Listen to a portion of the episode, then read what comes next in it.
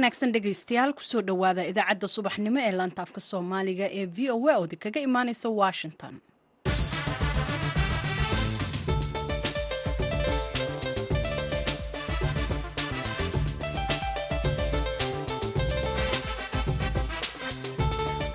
waa subax isniin ah labaatanka bisha febraayo sanadka waxaad naga dhagaysanaysaan mawjadaha gaagaaban iyo fiimada geeska afrika iyo boggeena v o a somaali com.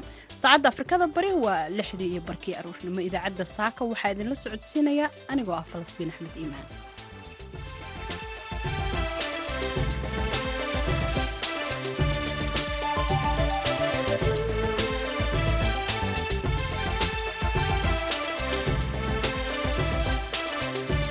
warbixinada aanu idaacadda saaka idinkugu hayno waxaa ka mida warbixin aanu ku eegayno soomaalida iyo dhaqashada shinnida si ay u helaan malab saafi ah. Malabku sidiisaba inuu daawo yahay ilaahay subxaana wa tacaala ayaa sheegay malabku hadduu nadiif yahay waxyaabo badan ayuu daawo u yahay. Waxyaabaha ugu horreeya uu daawada u yahay maanta dadkeenna waxay aad uga cabanayaan beer subag wax la yidhaahdo waxaa kaloo aad maqli doontaan dhaqaale xumada.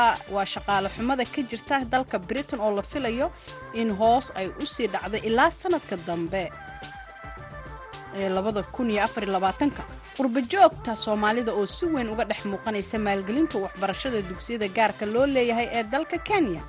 Mudanayaasha baarlamaanka dalka kanada oo soo jeediyey in dib u eegis lagu sameeyo qodobo ka mid ah dastuurka gaar ahaana qaybta xuquuqda iyo xorriyadda warbixin ayaannu idinkaga haynaa. Qodobadaasi iyo kuwo kale ayaad dhegaysan doontaan marka horese ku soo dhowaada warkii caalamka oo aan idiin aqriyo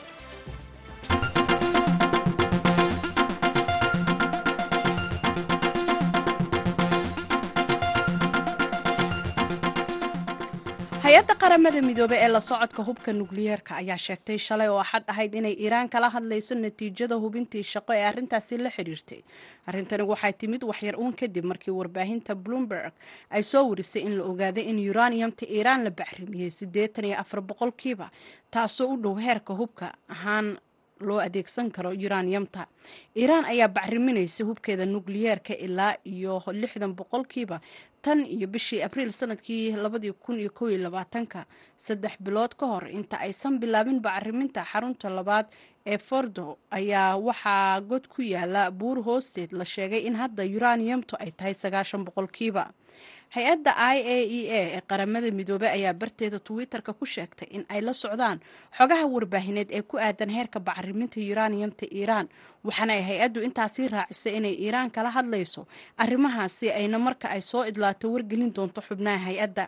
Hay'adda i a e a oo dusha kala socota xarumaha nukliyeerka iiraan ayaa ka digtay horumarka dhaqdhaqaaqa nukliyeerka iiraan uu sameynayo maraykankana waxay u dirayaan turkiga iyo siiriya gargaar bani-aadamnimo oo dheeri ah oo labaad kaasoo ay ku caawinayaan masiibada dhulgariirkii dhowaan ka dhacay dalalkaasi oo ay ku dhinteen afartan iyo lix kun oo qof halka malaayiin kalena ay guryo la'aan ka dhigtay. Gargaarkan cusub ayaa guud ahaan kaalmada maraykanka ee dhulgariirka ka dhigaya boqol siddeetan iyo shan milyan oo dollar waxaana la sii marin doonaa kaalmadan. Hay'adda caalamiga ah waa hay'adaha caalamiga ah iyo kuwa aan dowliga ahayn ee ku howlan samata bixinta iyo howlaha soo kabashada xogayaha arrimaha dibadda ee maraykanka antony blinkan ayaa booqanaya dalka turkiga si uu u soo arko saameynta iyo burburka dhulgariirkan oo cabirkiisu uu ahaa toddobo dhibic sideed uu yeeshay. Waxa uu sheegay xoghaya blinkan in gargaarkan cusubi ay gacan ka geysanayso soo iibsashada agabyada muhiimka ah sida bustayaasha joodarayaasha cunnada baakadaysan dharka qabowga laga xirto teendooyin iyo walxaha guryaha lagu dhisto. Gargaarkan ayuu sidoo kale sheegay inuu gacan ka geysan doono adeegyada caafimaadka dawada biyaha nadiifka ah iyo guud ahaan nadaafadda. Xoghaya blinkan ayaa diyaarad kuwa qumaatiga u kacaha ku dulmaray magaalooyinka uu dhulgariirku ku dhuftay axaddii shalay waxaana la socday dhigiisa dalka turkiga mafluud kabzoglo blinkan waxa uu la kulmi doonaa maanta oo isniin ah. Madaxweynaha dalkaasi rajab dayib erdogan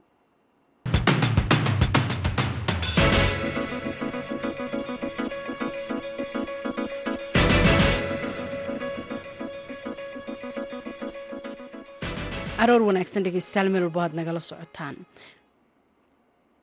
Qaar badan oo ka mida dadweynaha ku dhaqan magaalada jigjiga ayaa meel aan guryahooda ka fogeyn ka bilaabay beero yaryar oo ay u adeegsadaan dhaqashada shinnida iyo waxsoo saarka malabka.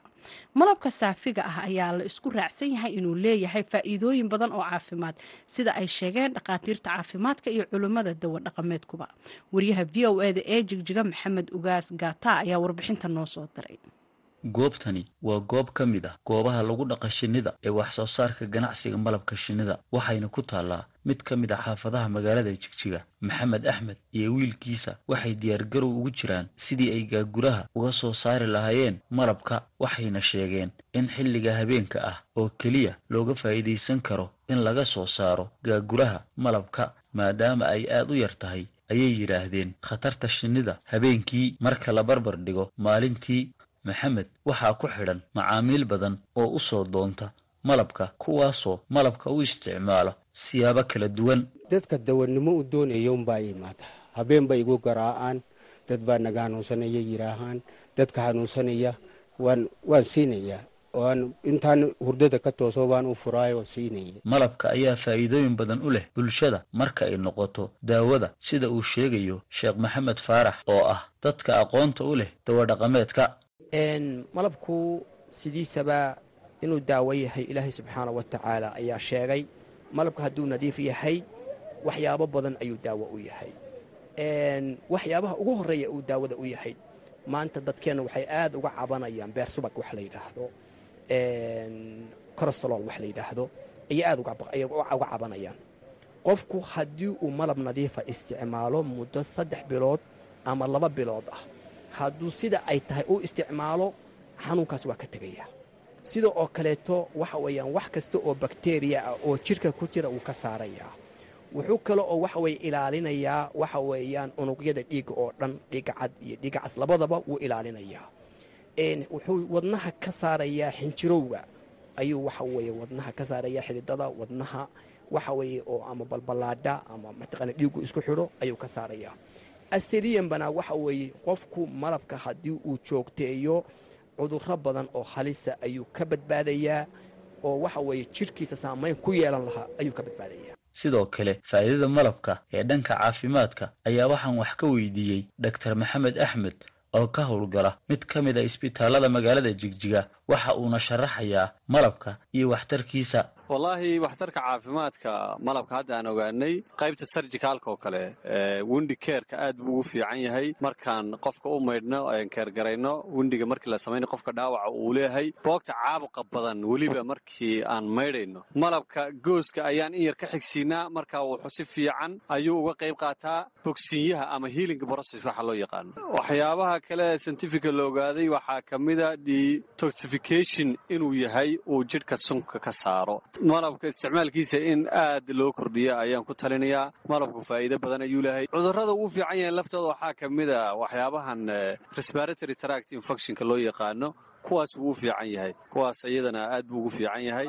Maxamed axmed oo muddo badan halkan ku dhaqanayay shinnida ayaa waxaa soo food saartay dhul yaraan boos la isiiyo dee dowladaba gabirka shub oo aawi haddaan waan ogolahay laakiin dee boos la'aanunbay ahayd. Inaan maaragta boos helo qarash ka helo oo gabirkii dowladana shubo waan jeclaa. Laakiin boos la'aanunbaa dhibteedii. Oo laakiin imika hooliiba dishe. Hadduu qof bani aadam igu disho dee meesha kuma noolaan karo waad garanaysaa le dadkana way dilaysa maad garanaysaa. Dameeriibay dishaa hooliibay dishaa. Laakiin magaalada inaan ka baxoon jeclaa maxamed axmed ayaa sida uu sheegay farsamadan ka keenay deegaanka oromiya iyadoo uu tababaray dhallin badan oo u dhalatay deegaanka kuwaas oo uu uga faa'iideeyey khibradda iyo wayaaragnimada uu u leeyahay habka dhaqashada shinnida. Haa meel badan. Waxaan dowladdii bay kaxayso waa geeyeen dhagaxbuur gaashaamo. Gaashaamoba iyo hidiinta agteedii baan ku dhaqay.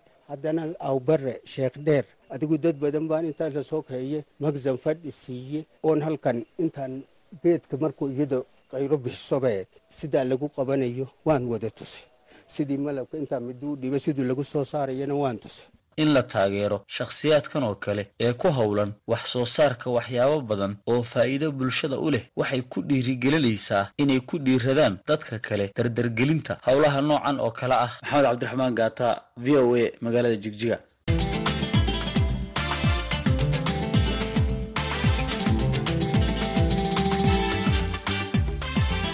subax wanaagsan dhegeystayaal meel walba aad naga dhegeysanaysaan mar kale. Aqoon-yahano soomaaliyeed oo ka tega qurbaha gaar ahaana maraykanka iyo kanada ayaa dalka kenya ka bilaabay inay ka hirgeliyaan iskuulo heer caalami ah kuwaasoo ardayda lagu barayo maadooyinka diiniga iyo maadiga iyagoo adeegsanaya hanaan waxbarashada caalamiga ah. Wariyaha v o eda qadar maxamuud xareed ayaa warbixinta nairobi nooga soo diray. Maalgashiga dhanka noocyada kala duwan ee waxbarashada ee soomaalida kenya ayaa marba marka ka sii dambeysay sii kobcaya waxaana waayadii la soo dhaafay ku soo kordhayey in aqoon-yahano iyo ganacsato soomaaliyeed oo ka yimid qurbaha gaar ahaana waddamada maraykanka iyo kanada ay dalka kenya ka bilaabeen inay ka hirgeliyaan xarumo waxbarasho oo heer caalami ah gaar ahaana waxbarashada dugsiyada as-aasiga ah iyagoo adeegsanaya hanaan iyo qalab sare oo waxbarasho. Qurbajoogta xarumaha waxbarashada ee isku laran ka hirgelinaya kenya waxaa ka mid ah culummo soomaaliyeed oo uu ka mid yahay sheekh saciid raage oo sheegaya in iskuullada noocan oo kale ah ay ugu talagaleen sidii dhallinyarada iyo bulshada soomaalida ee muslimka ah loogu bari lahaa diintooda iyo sidoo kale waxbarashada kale ee maadiga ah. Iskuulkan waa iskuul international ah oo intergraded ah. Intergrade waxaa looga jeedaa waa iskuul isku laray diintii iyo cilmigii diinigaha iyo cilmigii dunyagaba waxaanu u dooranay arinta arrimahaan u dooranay asbaabta midan waxaa ka mida inaanu aragnay ina ummadda soomaaliyeed bishakli khaas iyo ummadda muslimiinta bishakli caam ina dagaal lagu hayo ina dhallinyaradii dagaal lagu hayo ina diintooda dagaal lagu hayo ina caqligoodii dagaal lagu hayo ina dhaqankoodii dagaal lagu hayo. Waxaanu markaa u dooranay iskuol international ah iskuul afkaartan dakhiilka ah ee dabadda inooga timi iskuul la dagaalami kara oo ilmihii marka looga dhaamin karo ceelkii ama manbicii ahaa diiniga iyo manbicii dunyaga ahaa. Oo marka labada marka labada laysu barkiyo ilmihii wuxuu noqonayaa ilmo caqli iyo iimaan iyo caqiidadba difaaci kara mabdiciisa waxaanu jecelahay iskuulkan waxaanu ka dhignay international waa waxaan doonaya iskuulkani ardayda ka soo baxda inay meel walba tagaan inay ayagu diinta fidiyaan inay maraykanka tagaan inay ingiriiska tagaan inay jermanka tagaan inay carabaha tagaan mabda'an diinta ee saxda inay kaga hor tagaan mawjadaha hadaamka ee loogu talagalay ummadda baabiiso iyo bulshada baabiiso oo ayagoo isdifaaci karaya mowqif wanaagsana ka qaadan kara. Taasaan ugu talagalay iskuulka bulshada soomaaliyeed wuxuu muhiimad khaasa u leeyahay dagaalka dadka lagu wada inta ugu badan waa soomaali. Haddaad aragtid iminka qurbaha cidda joogta haddaad aragtid maraykanka boqolkiiba afar iyo labaatan ama shan iyo labaatan dhallinyaro iyadaa gaalowda percentka ama loogu tagala boqolkiiba intooda badan ee la gaalaysiiya waxa waa soomaali. Walaaca waalidiinta soomaalida ee qurbaha ku nool ay ka qabaan hanaanka waxbarashada ee waddamada ay ku nool yihiin ayaa sidoo kale ku keenaya aqoon-yahano badan oo qurbaha ku nool gaar ahaana sida maraykanka iyo kanada inay xarumaha waxbarashada noocan oo kale ah ay ka hirgeliyaan geeska afrika gaar ahaana dalka kenya sheekh maxamed ismaaciil waxa uu ka mid yahay culimmada soomaaliyeed ee fadhigooda uu yahay dalka maraykanka ha noqoto maraykanka canada ama si guudba north america yurub iyo maaragtay asia. Sidaa daraaddeed marka waxay u baahan yihiin waxbarasho tayaysan oo la jaan qaadi karta dalalkii iyo maaragtay environmentigii ay ka yimaadeen. La jaan qaadi karto markay ku noqdaan dalalkoodii inaysan noqonin dad ka dambeeya dad waxbarasho ahaan dadkii ay ka yimaadeen. Waxaa intaa dheer iyaduna dadka ka yimid dalalka aan sheegay waxay door bidayaan inay dalkan keeto ilmahooda ay keensadaan si ay u ilaaliyaan diintooda dhaqankooda iyo akhlaaqdooda. Maxaa yeelay waad ka warqabtaan maraykanka oo kaleeto waxaa ka socda wayf ama maaragtay weerar aad iyo aad u baaxad weyn oo lagu hayo dhallinta iyo da'yarta soomaaliyeed khaasatan kuwa iskuulka yaro dhigta oo maaragtay dalka maraykanka hadda uu noqday federal law ama sharciga maaragtay dowladda sare ay soo saartay oo ah inaan la dambiila maaragtay aan la ceebayn karin oo aan maaragtay la faquuqi karin dadka u ololeeya ama ka shaqeeya waxaan dhaqankan xun ee maaragtay qowmuluudka marka famiiladii iyo qoysaskii waxay marka rabaan si ay u ilaashadaan ilmahooda iyo awlaadooda ay u xifdiyaan oo dhaqankooda iyo diintooda ay u ilaaliyaan inay kula soo cararaan meelaha isleeyihiin way ku badbaadi karaan. Qaybaha kala duwan ee bulshada soomaalida ku nool magaalada nairobi gaar ahaana kuwa qurbaha ka imaada ayaa aada u soo dhoweynaya in la helo waxbarasho u dhiganta midda kuwa waddamada ay ku nool yihiin. Ardaydoodana lagu barayo diintooda iyo maadiga labaduba. Anagoo magacayda ah isxaaq madkeer. Isxaaq oo ahalka ku dhaqan xaafadda islii gaar ahaan magaalada nairobi. Maanta waxaan ka qayb galnay xaflad lagu dahafuray iskuol oo international ah oo academic ah oo iskuulkan wuxuu iskugu jiraa islaamic iyo secular. Xaqiiqatan iskuulahan aad baan ugu baahannahay aad baan ugu faraxsannahay inaan maanta xafladdan aan ka soo qayb galno marka khaasatan ummadda soomaaliyeed iskuulahan aad bay ugu baahan yihiin diini academic islaamic iyo secular wax la isku daraayo waa arrin aad u muhiimsan aad baan ugu faraxsannahay xaqiiqatan aad baan u soo dhawaynaynaa magacay bahaji axmed waaye. Iskuulaha diimiga iskuulo fiican waaye oo akhlaaqdii elabtii xishmadda laga baranayo. Waxbarashadiisana ay high class ay tahay. Ardaydana way u fiican tahay waalidkana way u fiican tahay oo ciyaalka oo siday u halaabin iskuulaha gaalasha haddii la geeyo meeshaas ku halaabaan so iskuulahan oo kale u fiican yihiin anaka oo diintana la barayo ilaahigeenana la soo xasuusinayo. Dalka kenya waxa uu ka mid yahay waddamada geeska afrika ee ay ku yaalaan iskuullada iyo xarumaha waxbarashada ugu badan ee ay hirgeliyeen ganacsato iyo aqoon-yahano soomaaliyeed.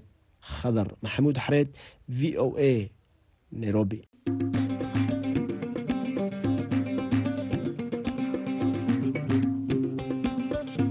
Halkaad nagala socotaana dhegeystayaal waa v o a washington. Xildhibaanada qaar ee baarlamaanka federaalk ee dalka kanada ayaa soo jeediyey dib u eegis in lagu sameeyo qodobo ka mida dastuurka gaar ahaana qeybta xuquuqda iyo xorriyadda kadib markii ay tilmaameen inuu ka hor imaanayo rabitaanka dadka qaar. Dowladda gobolka qubeek ee dalkaasi ayaa isticmaashay sharcigaasi xilli ay soo rogtay sharci dhaqaalaha dowladda ka mamnuucaya xirashada waa shaqaalaha dowladda ka mamnuucaya xirashada astaamaha diinta oo uu ku jiro xijaabka ay xirtaan dumarka muslimiinta ah. Wariyaha v o eda xuseen nuur xaaje ayaa warbixintan toronto nooga soo diray. Xildhibaan samiir subeyri oo ka tirsan xisbiga talada haya ee liberaalka lagana soo doorto magaalada montreal ee gobolka qubeeg ayaa soo bandhigay dib u eegista sharciga awoodsiinta madaxda dowladaha federaalk iyo kuwa gobollada ee u ogolaanaya in ay muddo ku siman shan sano ay meel marin karaan sharci kaasoo lid ku noqon karaa ama masaxaya qodobada qaar ee dastuurka. Sharcigan awoodsiinta oo lagu magacaabo northwithstanding ama section waxaa dhowr mar adeegsatay dowladda qubeeg si ay uga hortagto in maxkamad lala tago sharciga bill ee ay soo rogtay kii oo shaqaalaha dowladda u diidaya inay xirtaan.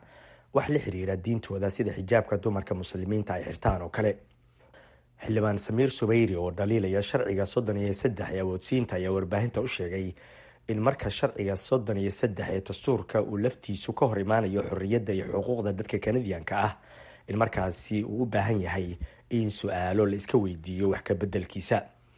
Xildhibaanada xisbiyada liberaalka iyo kuwa n d p ayaa taageersan qorshaha qodobka saddex iyo soddon ee awoodsiinta looga saarayo dastuurka laakiin xisbiyada conservative-ka iyo block qubeek ayaa ka soo horjeeda golaha qaran ee muslimiinta kanada ayaa jimcihii warbaahinta u sheegay in sharciga koob iyo labaatan ee qubeek laga guuleysan karo. Haddii maxkamad lala tiigsado balse loo baahan yahay in lagu qanciyo qareenada iyo dadka u dhaqdhaqaaqa arrimaha bulshada inay dib u eegis ku sameeyaan sharciga awoodsiinta dowladda. Dadka raba in dastuurka laga saaro sharciga ama qodobka saddex iyo soddon ee awoodsiinta dowladaha ayaa sheegaya inuu ka soo horjeedo qodobo ay ka mid yihiin todobo ilaa shan iyo toban ee dastuurka gaar ahaan qeybta xuquuqda iyo xorriyadda. Tusaale qodobka shan iyo tobanaad ee dastuurka ee xuquuqda iyo xorriyadda dadka kanadiyanka ah ayaa dhigaya in qof walba loola dhaqmo si sharaf iyo ixtiraam ay ku jirto iyadoo aanan loo eegeynin diintiisa midabkiisa jinsigiisa da-diisa iyo caafimaad qabkiisa. Dadka uu saameeyey sharciga koob iyo labaatan ee dowladda qubeek ayaa u arkaa in qodobka saddex iyo soddon uu tirtirayo qodobka shan iyo toban ee dastuurka maadaama ayay yidhaahdeen laga horjoogsaday inay xirtaan waxa ay diintooda u bannaysay. Sharciga biil koob iyo labaatan ee qubeek waa arrin si joogtaha ay uga hadlaan dadka aaminsan diimaha kala duwan oo ay ku jiraan muslimiinta. Xasan dalmar cawil wuxuu ka mid yahay hogaamiyaasha soomaalida ee degan magaalada montreal ee gobolka qubeek xilli sii horreysay ayaan weydiiyey sida qodobkan muranka badan dhaliyey uu u saameeyey muslimiinta gaar ahaan soomaalida degan gobolka qubeek gabadh baa noo timi gabadhaas waxay ka shaqeynaysay meel gas station bay ka shaqeynaysay oo shaqadeedii weyday. Waxay nagu tiri waxaa laygu yidhi laba joyce inaan midun qaato inaan iska dhigto xijaabka iyada oo cabaayad wadatay iyo inay iridda ka degto oo shaqadeeda saa ku waayso gabadhi markaas sidii bay iskaga timi sidii uga timi tiri tan waxa iga muhiimsan diinteeda. Xagga nabadgelyada qaarkood gabdhaha muslimiinta toos baa loo weeraraa waa la caayaa waa la candhufeeyaa iyaga oo bannaanka maraya. Hadda macnaha waxa weye iyagoona xafiis dowladeed iyo shaqaba joogin ayaa sidaa loo dhibayaa markaasaa la dhibaya su'aasha isweydiintale waxa weye qofkanu ma xafiis dowladeed buu joogaa bannaankaasu iska marayaa. Meelaha ma garanaysaa baarkinadu iskaga cayaaraya carruurteeda wadataa ayaa la weeraraya. Waxaa ka mid a gabadhan anigu aqaanaba iyadoo markaa meel mitraha ka soo baxday ayaa toos loo weeraray. Dowladda kubeeg ayaa markii ay soo rogaysay sharciga koob iyo labaatan sannadkii labada kun sagaal iyo tobankii waxay ku doodayeen in diinta ay noqoto mid qaas ah oo aanay ku milmin tan guud iyagoo tusaale u soo qaadanayay sharci kale oo dhigaya in calaamadaha xisbiyada siyaasadda aanay shaqada lagu tegi karin siibatan dowladda. Haddii uu guuleysto dadaalka xildhibaan samiir iyo kuwa la aragtida ah waxay muslimiinta gobolka kubeeg oo ay soomaalidu ku jiraan iyo dadka kale ee aaminsan diimaha kale fursad u helayaan in sharciga koob iyo labaatan ee dowladda kubeeg ay la tagaan maxkamad si ay u muujiyaan inaysan ku qanacsanayn iyagoo aanan is-hortaag kala kulmaynin dowladda gobolka. Xuseen nuur xaaji v o a toronto.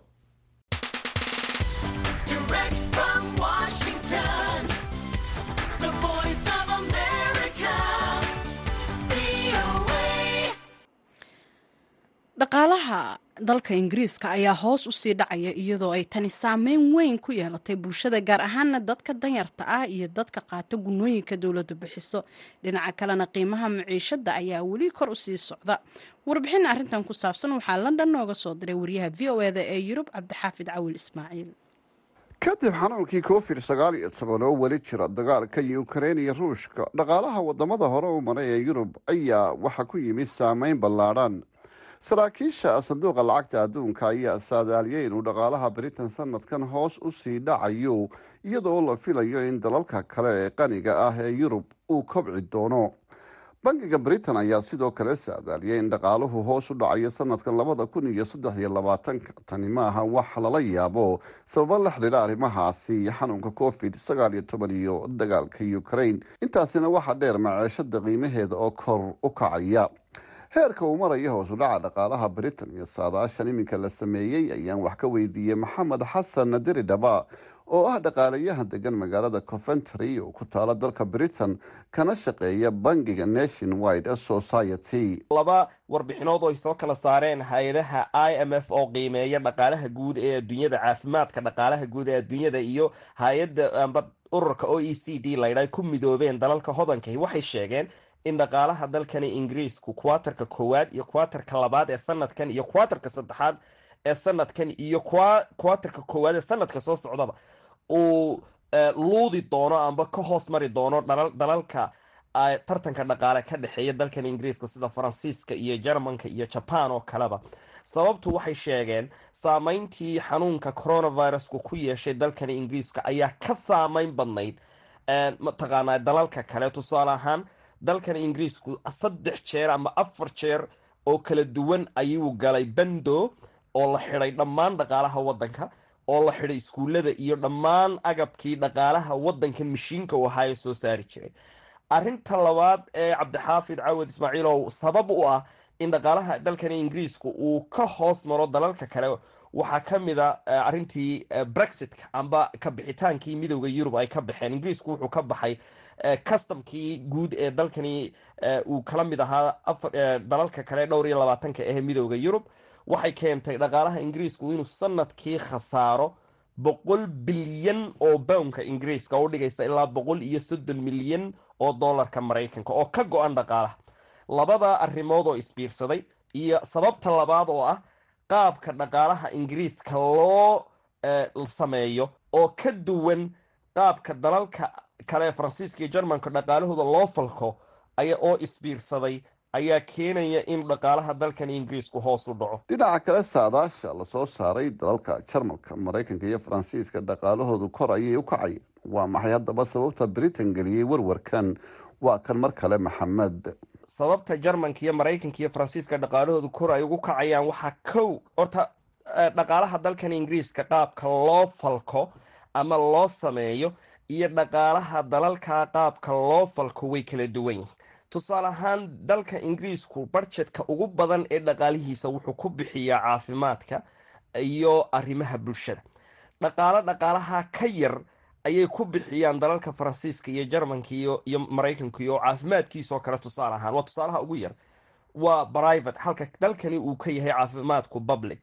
Marka waxa ay alaab agabka caafimaadka ay dhoofiyaan tusaale ahaan dalkani ingiriisku aad buu u yaryahay. Marka qaabka loo falko ama loo unko ama loo sameeyo dhaqaalaha dalkani iyo dalalka kale ee maraykanka iyo faransiiska iyo jarmanku ka mid yahay ayaa kala duwan. Taasaa kalifaysa markaa in investorsku ama dadka maal gashada dhaqaaluhu ay kala doortaan dhaqaalaha maraykanka iyo ka ingiriiska iyo kan faransiiska iyo kan ingiriiska iyo ka jarmanka. Ka ingiriisku wuu ka riski badan yahay badina dowladdu dhaqaalaha badi waxay gelisaa bulshada. Halka investorsku ay iibsan karaan oo ay maalgashi ka samaysan karaan mataqaanaa infrastructure badan oo dalalkaasi ka mid a so caafimaadka faransiiska iyo ka maraykanka oo kale investorku waxbuu iibsan karaa laakiin halkan dowladda ayaa wax badan lahoo saameyn ku leh. Taasaa markaa keenaysa in dhaqaalaha dalalkaasi oo badi u badan dhaqaalaha loo yaqaano maxaa la yidhaahdaa independentka oo ka madax banaanka dowladdu uu ka kobac sarreeyo kan ingiriiska. Dhaqaalaha britain ee hoos u dhacaya waxa uu saameynta ugu weyn ku yeelanayaa dadka saboolka ah dadka qaata gunooyinka dowladda iyo dadka ku shaqeeya mushaharka yar tan waxaa britain u dheer in dhowrkii bilood ee u dambeeyey ay shaqa joojinku meel gaar ah sameynayeen shaqaalaha adeegyada bulshada oo ay ku jiraan shaqaalaha kalkaaliyaasha caafimaadka shaqaalaha wada gaadiidka loo yaqaano dhooliyada shaqaalaha ka shaqeeya tareenada iyo noocyada kale ee gaadiidka dadweynaha. Taasina waxa ay saameyn ku yeelanaysaa kordhinka dhaqaalaha sanadkan markii suuqa dib loo furay waxaa muuqata inuu dhaqaaluhu u muuqdo inuu kobcayo laakiin laguma guuleysan inuu kobaco buuxiyo dhaqaalihii hore ee lumay. Cabdi xaafid cawil ismaaciil v o a london. Dhegeystayaal aanu intaasi ku dhaafno warbixintaasi cabdixaafid uu noo soo diray. Gabagabada idaacaddan ku sii dhowaaneynaa codka macaan ee banxariistii jannaha ka waraabiya cumar dhowle cali oo adilwaad quruux adiguna ogsoonayd walwaana saaga adiga kugu jeclaa oo adilwaad quruux adiguna ogsoonay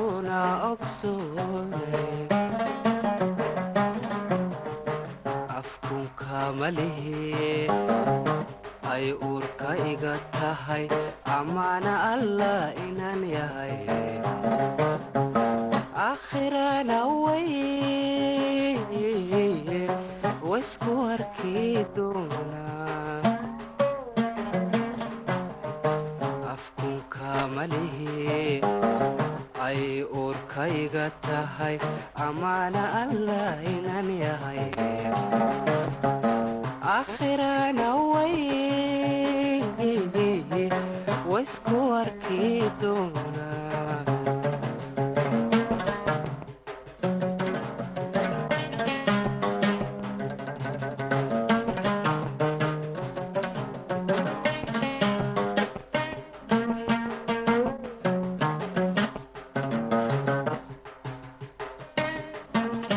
heestaasina waxay gabagabo u ahayd idaacaddeenii aroornimo. Intaan markale hawada ku kulmi doonana nabadgelyo haddii waa